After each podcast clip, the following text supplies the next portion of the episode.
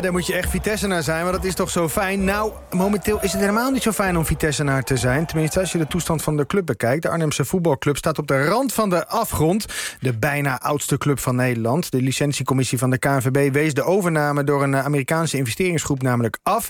Vandaag maakte de club tijdens een speciaal belegde persconferentie bekend... dat ze in hoger beroep gaat. Ja, is die club te redden en hoe kan je een voetbalclub eigenlijk winstgevend runnen? Ik ga het vragen aan Lex Lamme, sportverslaggever en Vitesse volgen bij de En aan Wim van der Vliet, sporteconoom bij adviesbureau Hypercube. Goedemiddag beiden, van harte welkom. Fijn dat jullie er zijn.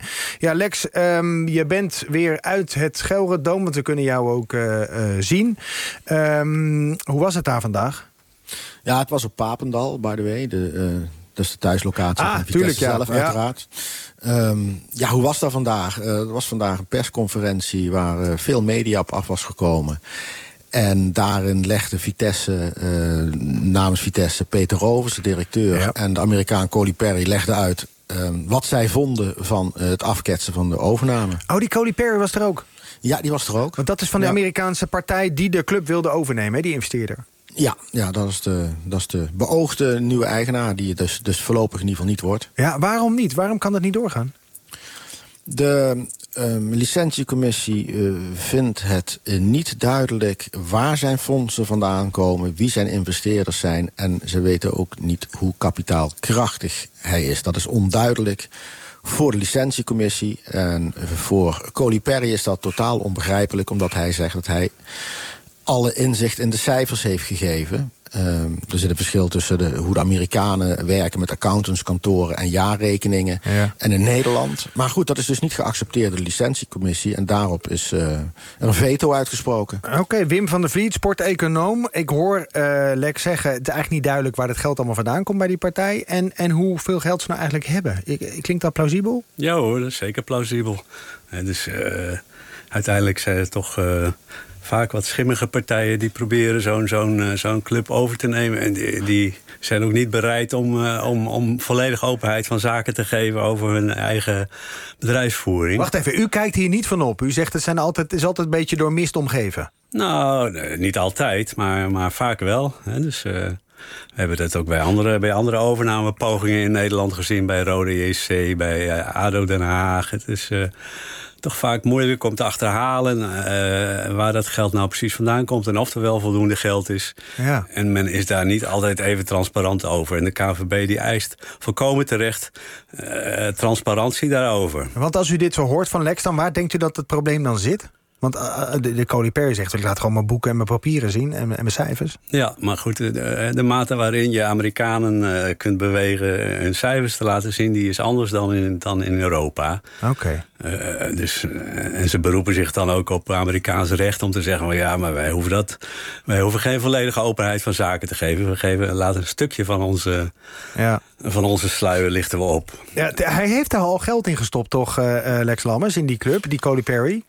Ja, uh, zeker 11 miljoen. Uh, richting de 12 miljoen heeft hij uh, daarin gestopt. Dat is een lening die zou bij een goedkeuring van de overname... Een, zou, een aan, zou, zou worden omgezet in aandelen. Ja, ja en dat is nu dus officieel nog steeds een schuld voor Vitesse. Um, maar daar okay. is weer een oplossing voor met een minderheidsbelang. Dat gaat, want dat is namelijk plan B wat nu in werking treedt. treedt. Ja. Vitesse gaat met een minderheidsbelang werken. 24,9 procent. Dat kun je doen zonder interventie en controle van de licentiecommissie. En op grond daarvan stapt hij dus, krijgt, worden dan alsnog wat de schuld dan toch aandelen op die manier. Oké, okay, en is de club dan gered als, er, als, als die partij met een minderheidsbelang erin gaat? Nee, die club is daar niet mee gered. Er zijn gewoon grote financiële problemen bij Vitesse. Ja. En dan moet daar gewoon enorm bezuinigd worden. Met hm. Momenteel zijn de uitgaven die zitten zeg maar op 26 miljoen. En ja, ja. de inkomsten op 19 miljoen. Dus er zit sowieso een, een gat in de begroting van 7 miljoen. Nou ja, dus dat moet je, uh, dat moet je wel wegwerken. Ja, waarom moet, moet er eigenlijk een overname plaatsvinden, meneer Van der Vliert? Nou, het is. Uh, kijk, het probleem is. Uh, de club is nu in Russische handen, officieel. Uh, ja, dat en, willen we niet natuurlijk. Zeggen nou, we dan, nou toch? sinds, de, sinds de oorlog met de Oekraïne is, het gewoon, is de geldstroom uit Rusland is opgedroogd. Dus dat betekent dat de huidige eigenaar eigenlijk niet, niet voldoende geld meer in die club wil steken om hem overeind te houden.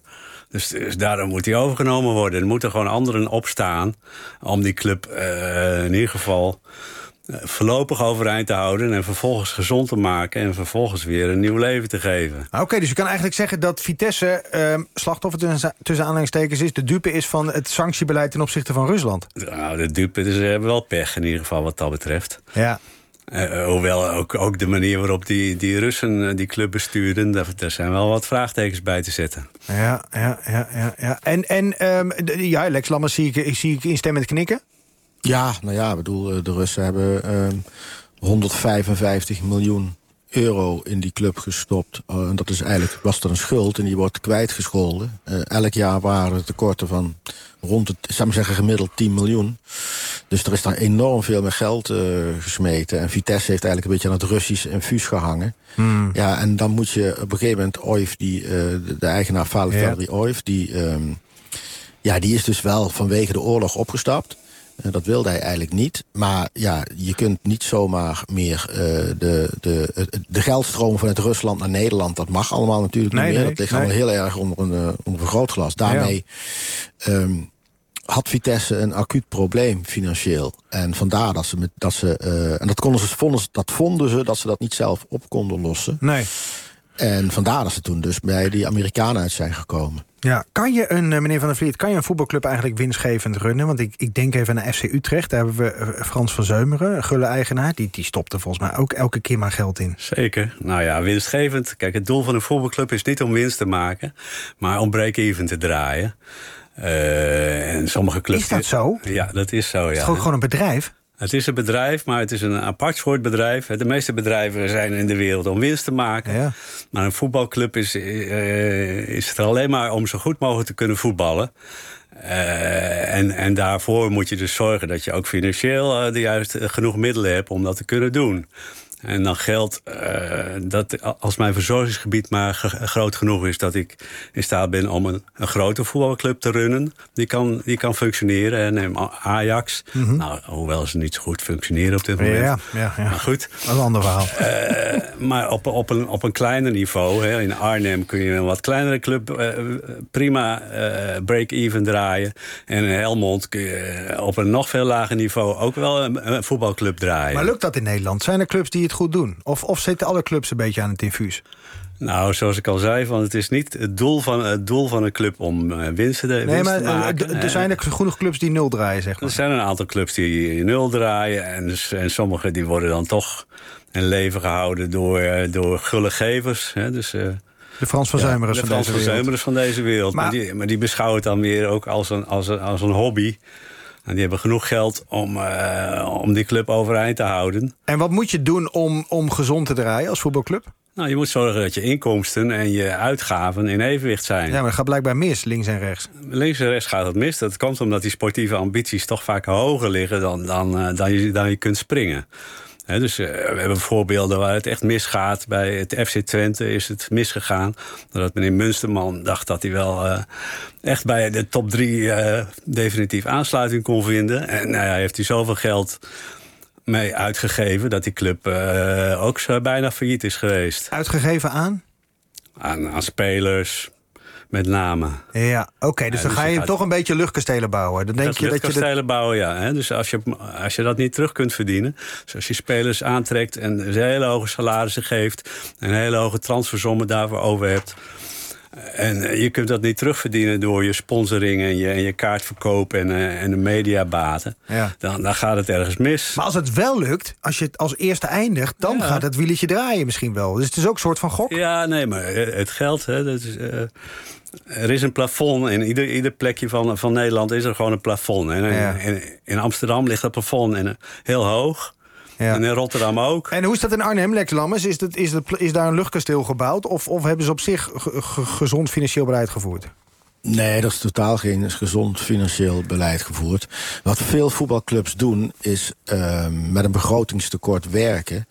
Uh, zoals Vitesse dat ook doet. En dan uh, ga je uit van transferinkomsten. Daar, dat je daar je, je gaten mee vult. Hè. Dat, dat doen bijna alle clubs uh, ja, ja. in Nederland. Dus Vitesse heeft dat ook gedaan. Alleen de laatste ja. jaren zijn er geen transferinkomsten. Dus ja, dan, dan zit je elk jaar met een groot gat. Ja. Wanneer, ehm, tot slot, wanneer, Lex Lammers, horen we of dat hoge beroep... Nou ja, of daar, wat, wat voor uitspraak daaruit komt?